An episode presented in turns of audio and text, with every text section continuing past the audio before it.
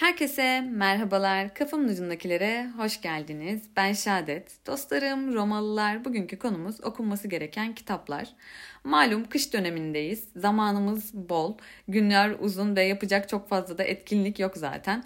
E, kitap okumak bence çok güzel bir eylem olabilir bu durumlarda. Eğer kitap okuma alışkanlığınız yoksa da kışı fırsat bilip bir an önce kitap okumaya başlayın derim. Bu kitapları hem yeni başlayanlar için e, hem böyle uzun soluklu okurlar için hazırladım. E, aşağı yukarı 10 kitap seçtim. Hepsi yani binlerce kitap var ve hepsi benim bebeklerim. Fakat böyle görece hem okunması kolay hem böyle keyifli kitapları seçmeye gayret ettim. Her biri zaten kendi alanında e, kült olan, kült sayılabilecek kitaplar bunlar. Bir de son dönemlerde herkesin elinde aşağı yukarı aynı kitapları görüyorum ve fark ettiyseniz son 10 yıldır da bestsellerlar hiç değişmiyor. Ee, belki kitap okumaya yeni başlayan biriyseniz e, bu kitaplardan başlamanızı tavsiye ederim. Herkesin elinde Sapiens görmekten, herkesin dilinde 1984'ü duymaktan biraz yoruldum. Tabii ki bu kitaplar e, özellikle 1984 çok e, okunmaya değer bir kitap. Herkesin okuması gerekiyor.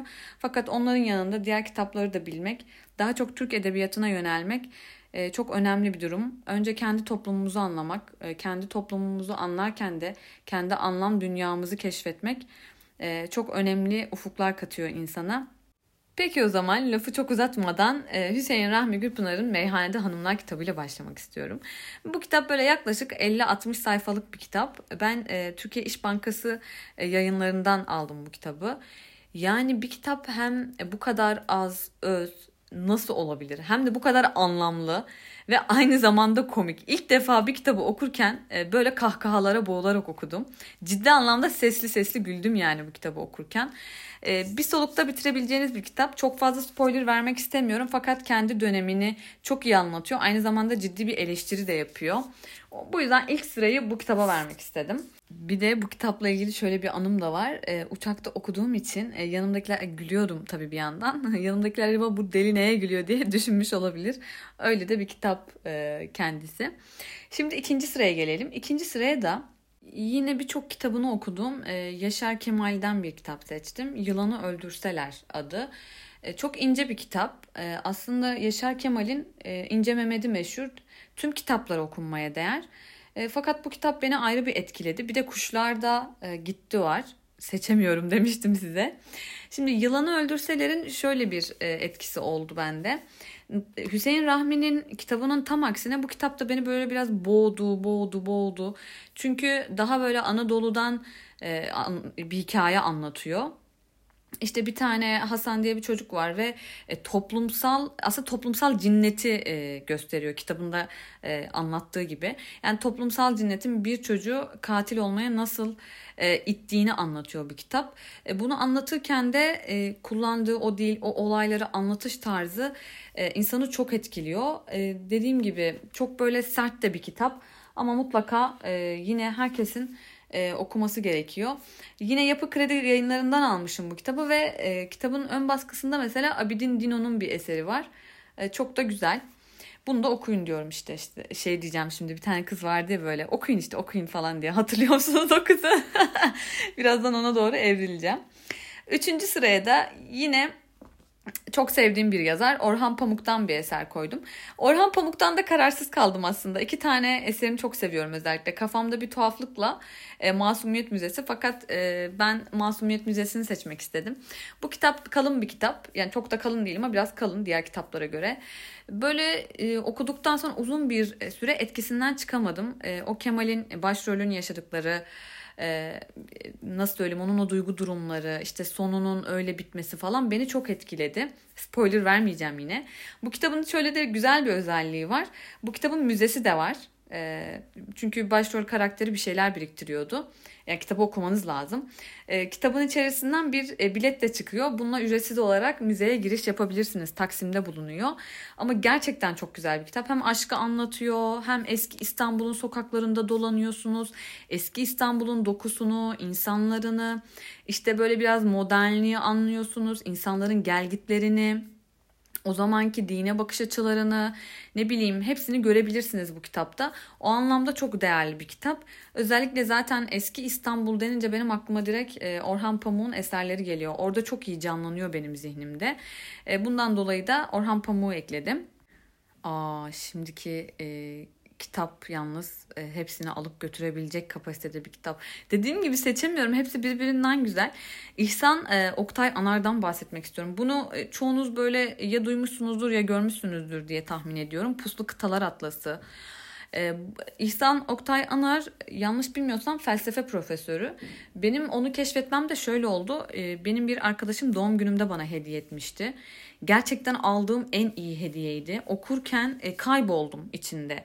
Yani böyle en etkilendiğiniz filmi düşünün. Mesela böyle onu izlerken tamamen dünyadan koptuğunuz bir film gibi düşünün. Kitabın içine girince kesinlikle çıkamıyorsunuz.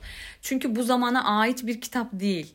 Bambaşka bir kitap Hani dünya neyse e, hani uzay apayrı bir yer ya öyle bir şey yani. Bu zamana ait bir kitap değil bence. Çok etkilenmiştim. E, bu kitap bir de şöyle bir özelliği var. E, İhsan Oktay Anar'ın e, felsefe profesörü olmasından mütevellit aslında bu kitabın dayandığı bir e, felsefi ideoloji de var. Yani bambaşka bir kitap. E, içinde kaybolacağınız bir kitap. Kesinlikle ve kesinlikle bunu okumanız gerekiyor. Neyse artık biraz e, yabancı e, eserlere geçelim. E, bir sonraki kitap da Jose Saramago'nun Körlük kitabını seçtim. Ay bu kitap da gerçekten insanı böyle e, darlayan bir kitap.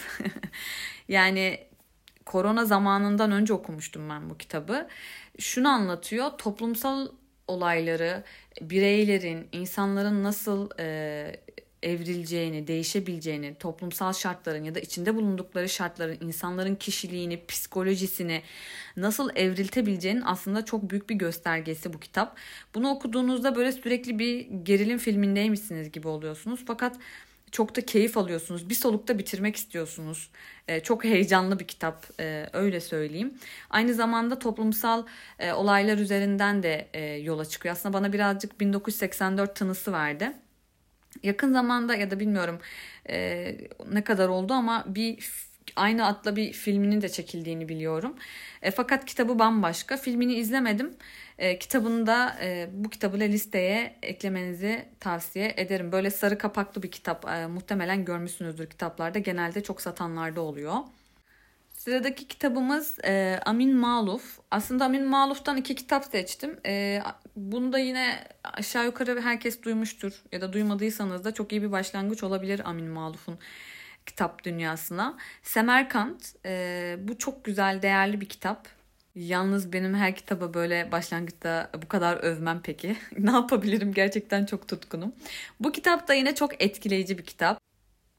Kitap böyle zaten e, işte Nizamül Mülk, Hasan Sabbah ve Ömer Hayyam'ın e, üzerinden kurgulanmış bir kitap.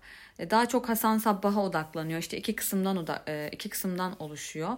Yine çok etkileyici bir kitap. E, haşhaşiler vesaire bunları duymuşsunuzdur. Kurgusal bir kitap. Böyle herkese sanki gerçekmiş gibi geliyor bu. Yani bu kitap için aslında söyleyebilecek çok söz yok. Okumanız gerekiyor. Fakat hissettirdiği duygu böyle bana sıcak bir çölde yürüyormuşum hissini veriyor. Çok masalsı bir kitap. Çok kurgusu muhteşem böyle insan gerçek mi acaba bu diye düşünüyor. E, bundan dolayı çok etkileyici. E, o dönemi anlamak, o insanları anlamak açısından da böyle yol gösteriyor. Kendinizi bir an onun içerisinde kaybediyorsunuz. Yine birazcık İhsan Oktay Anar'a benziyor bu anlamda. Yani çok başka bir dünyanın içerisinde buluyorsunuz kendinizi. Bir sonraki kitap olarak da Allah aşkı üzerine düzensiz düşünceler e, diye bir kitap var Simon Weil'in. E, çok küçük bir kitap daha doğrusu çok ince bir kitap. E, fakat bir felsefecinin e, düşüncelerini e, anlatıyor.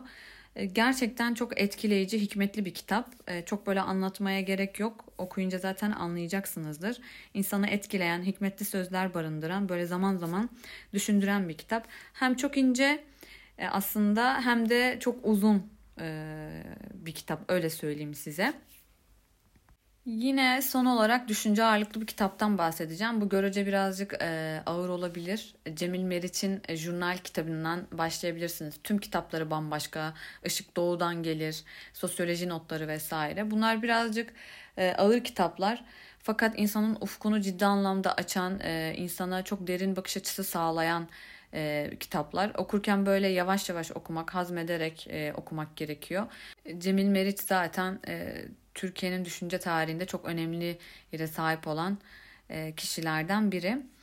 Neyse çok uzatmak istemiyorum. Böyle görece kolay kitaplar seçmeye çalıştım. Aslında bazıları ağır da şimdi düşününce ama ilk etapta herhalde böyle hafif hafif gidilebilir diye düşünüyorum. Kendinize aralarından uygun olanı seçip okuyabilirsiniz. Eğer okursanız lütfen bana yorumlarınızı bildirin çünkü çok merak ediyorum.